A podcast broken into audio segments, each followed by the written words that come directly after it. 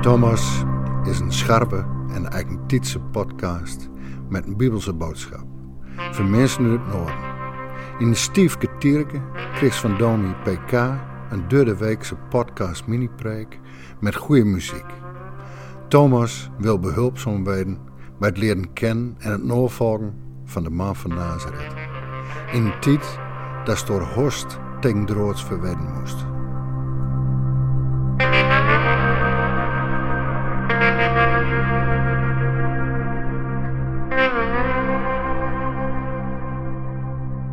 Stel dat je op de online zakelijke netwerksite LinkedIn voor het eerst of opnieuw een profiel aanmaakt.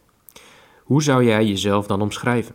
Welke karaktereigenschappen en competenties van jezelf zou je noemen? En wat voor foto zou je erbij zetten? Dat kan best lastig zijn, want je wilt eerlijk zijn, maar tegelijk moet je jezelf daar natuurlijk ook een beetje verkopen. In deze podcast over Genesis 11, doorbouw van Babel, spraakverwarring, krijgt de mens een scherp en eerlijk profiel. Je zult zien dat je volgens de schrift tot veel in staat bent. Mensen hebben talent, creativiteit en de mogelijkheid om goed samen te werken.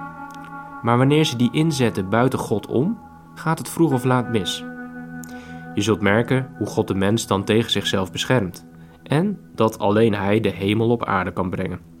Dat is ook het thema van deze podcast over Genesis 11, de hemel op aarde.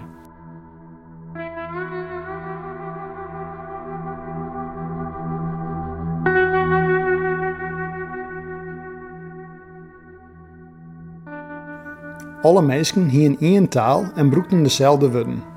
Wil ze het eerst intrekken, vonden ze een leeg vlakte in het jaar en daar zetten ze haar naar wenjen. Toen zijn ze het zien oor.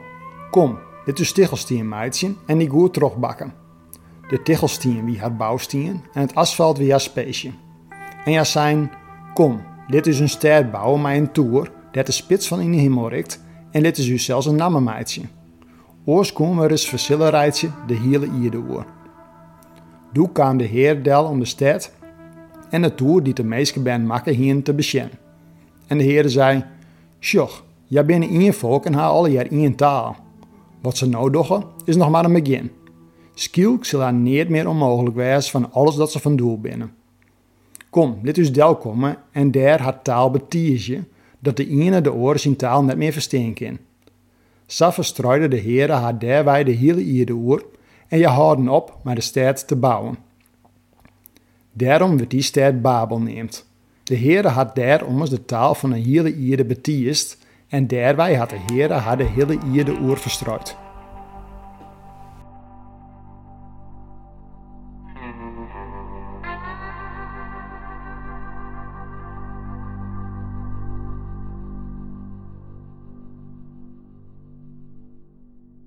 In Genesis 11 ontmoet je de mensen van na de zondvloed. Ze vormen één volk met één taal en trekken in oostelijke richting. Aangekomen in de mooie vlakte van Siniar besluiten ze daar te gaan wonen. Ze hebben vruchtbare klei, water en vis uit twee rivieren en genoeg vruchten, vogels en dieren. Er is wel een probleem. Toen ze nog in de bergen woonden, hadden ze natuursteen op voorraad. Hier in de vlakte moeten ze iets anders bedenken. In vers 3 lees je over de uitvinding die ze dan doen. Kom, laten we kleiblokken vormen ze bakken in het vuur en met pek in plaats van cement onze huizen bouwen. Schitterend bedacht natuurlijk. De mens is bijna gelijk aan God, zegt de dichter van Psalm 8. God heeft alle mensen via Noach gezegend met een opdracht. Wees vruchtbaar en word talrijk. Bevolk de hele aarde. En dit is het resultaat. God zorgt op het juiste moment voor een steengoede oplossing voor een probleem waar de mens op dat moment voor staat. Zo leven ze in vrede met Hem, elkaar en de schepping. Het lijkt wel de hemel op aarde.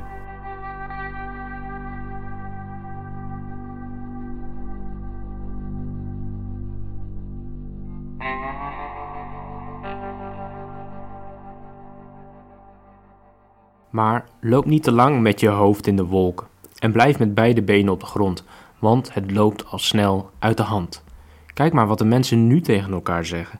Ze hebben de smaak goed te pakken dat bakken en bouwen gaat als een malle. De mogelijkheden zijn eindeloos. Laten we een stad bouwen met een toren tot in de hemel. Dat zal ons wereldberoemd maken. Niet zijn naam, maar mijn naam worden geheiligd. Het begon op de tuin van Eden te lijken, maar de mens lijkt sindsdien weinig te hebben geleerd. Diep in zijn of haar hart wil de mens nog steeds aan God gelijk zijn. Maar kijk ook even verder. Ze willen niet verspreid raken. Onder de grootspraak gaan angst en onzekerheid om verlies van controle schuil. Maar als je die twee combineert met het streven naar macht en verstikkende eenheid, kom je echt in de problemen. Als wereldmachten geen beperkende grenzen kennen, vallen er vroeg of laat slachtoffers. Kwetsbare minderheden zijn hun leven niet meer zeker. Vreemdelingen, LHQTIB'ers, andersdenkenden of Gods gemeente uit Israël en de volken. Als dit zo doorgaat, verandert de aarde in een hel.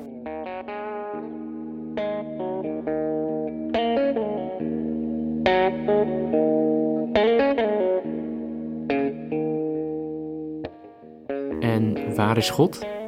Wat vindt hij er eigenlijk van? Nou, daar ga je snel achter komen, want volgens de verteller daalt hij al af. Hoewel, afdalen moet je hier niet letterlijk nemen, want God heeft alles al lang in de gaten. Dat afdalen is meer cynisch bedoeld. De mensen denken wat voor te stellen met hun bouwplannen. Ze willen een hemel op aarde zonder God, met een toren tot in de hemel. Maar voor God komen hun misbaksels niet hoger dan een stoeprand. Het kan bijna niet anders of dit vers was voor de eerste lezers genieten. Ze zullen de tempeltorens van de oppermachtige en vijandige buurvolken herkend hebben in dit verhaal. Deze toren van Babel is een soort röntgenfoto van al die zogenaamde ziggurats bij de buurvolken. Dat waren hoge piramidevormige gebouwen met etages en bovenop een tempel.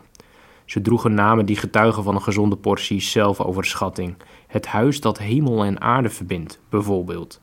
De schrijver van dit verhaal geeft de lezers zo een bril om de macht van deze trotse tempelbouwers te relativeren.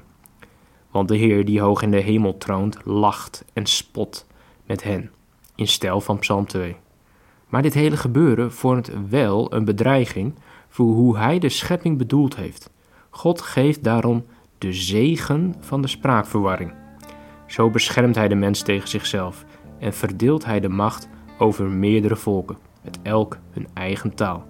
Zo blijft God bouwen aan zijn koninkrijk, want anders komt de hemel nooit op aarde.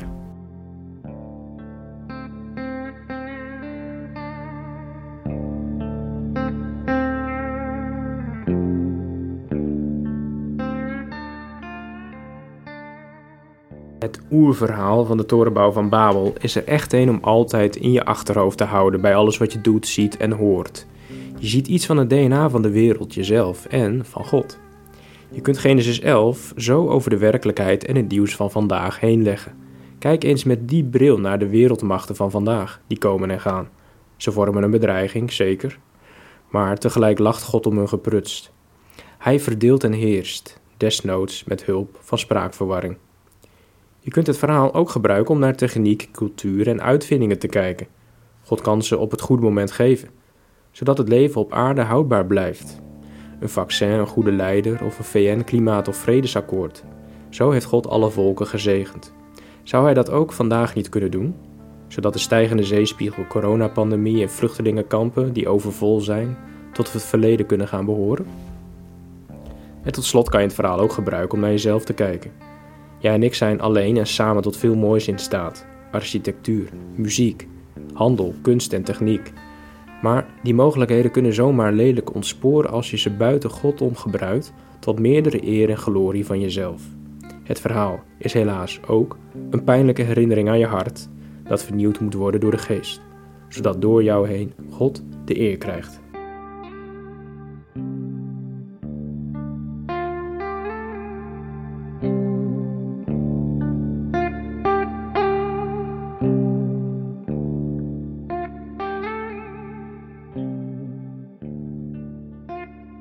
Maar waarom grijpt God nu eigenlijk in? Was dat nu echt op deze manier nodig?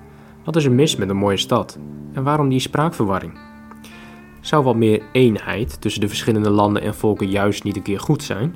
Hoe krijgen we anders de hemel eindelijk eens op aarde? Vergeet niet dat er een strijd tussen goed en kwaad is. Je zou Gods ingrijpen kunnen zien als een poging om de rijken rondom Israël met elkaar in evenwicht te houden. Hierdoor werd het kleine Israël tussen die grote wereldmachten nooit verpletterd. En vergeet ook niet dat God al een nieuwe eenheid van de mensheid heeft gemaakt. Met Pinkster gaf hij een nieuwe eenheid in Christus, die alle taalbarrières doorbreekt. En daarnaast bouwt God zelf aan zijn nieuwe stad, waar geen toren, maar het lam het stralende middelpunt is. Terwijl Babel een ruïne is, daalt het nieuwe Jeruzalem wereldwijd nu al neer, waar mensen in zijn naam bij elkaar komen en verbonden zijn. Niks mis dus met wat meer eenheid en een mooie stad, als het maar die van God is, want dan komt pas echt de hemel op aarde.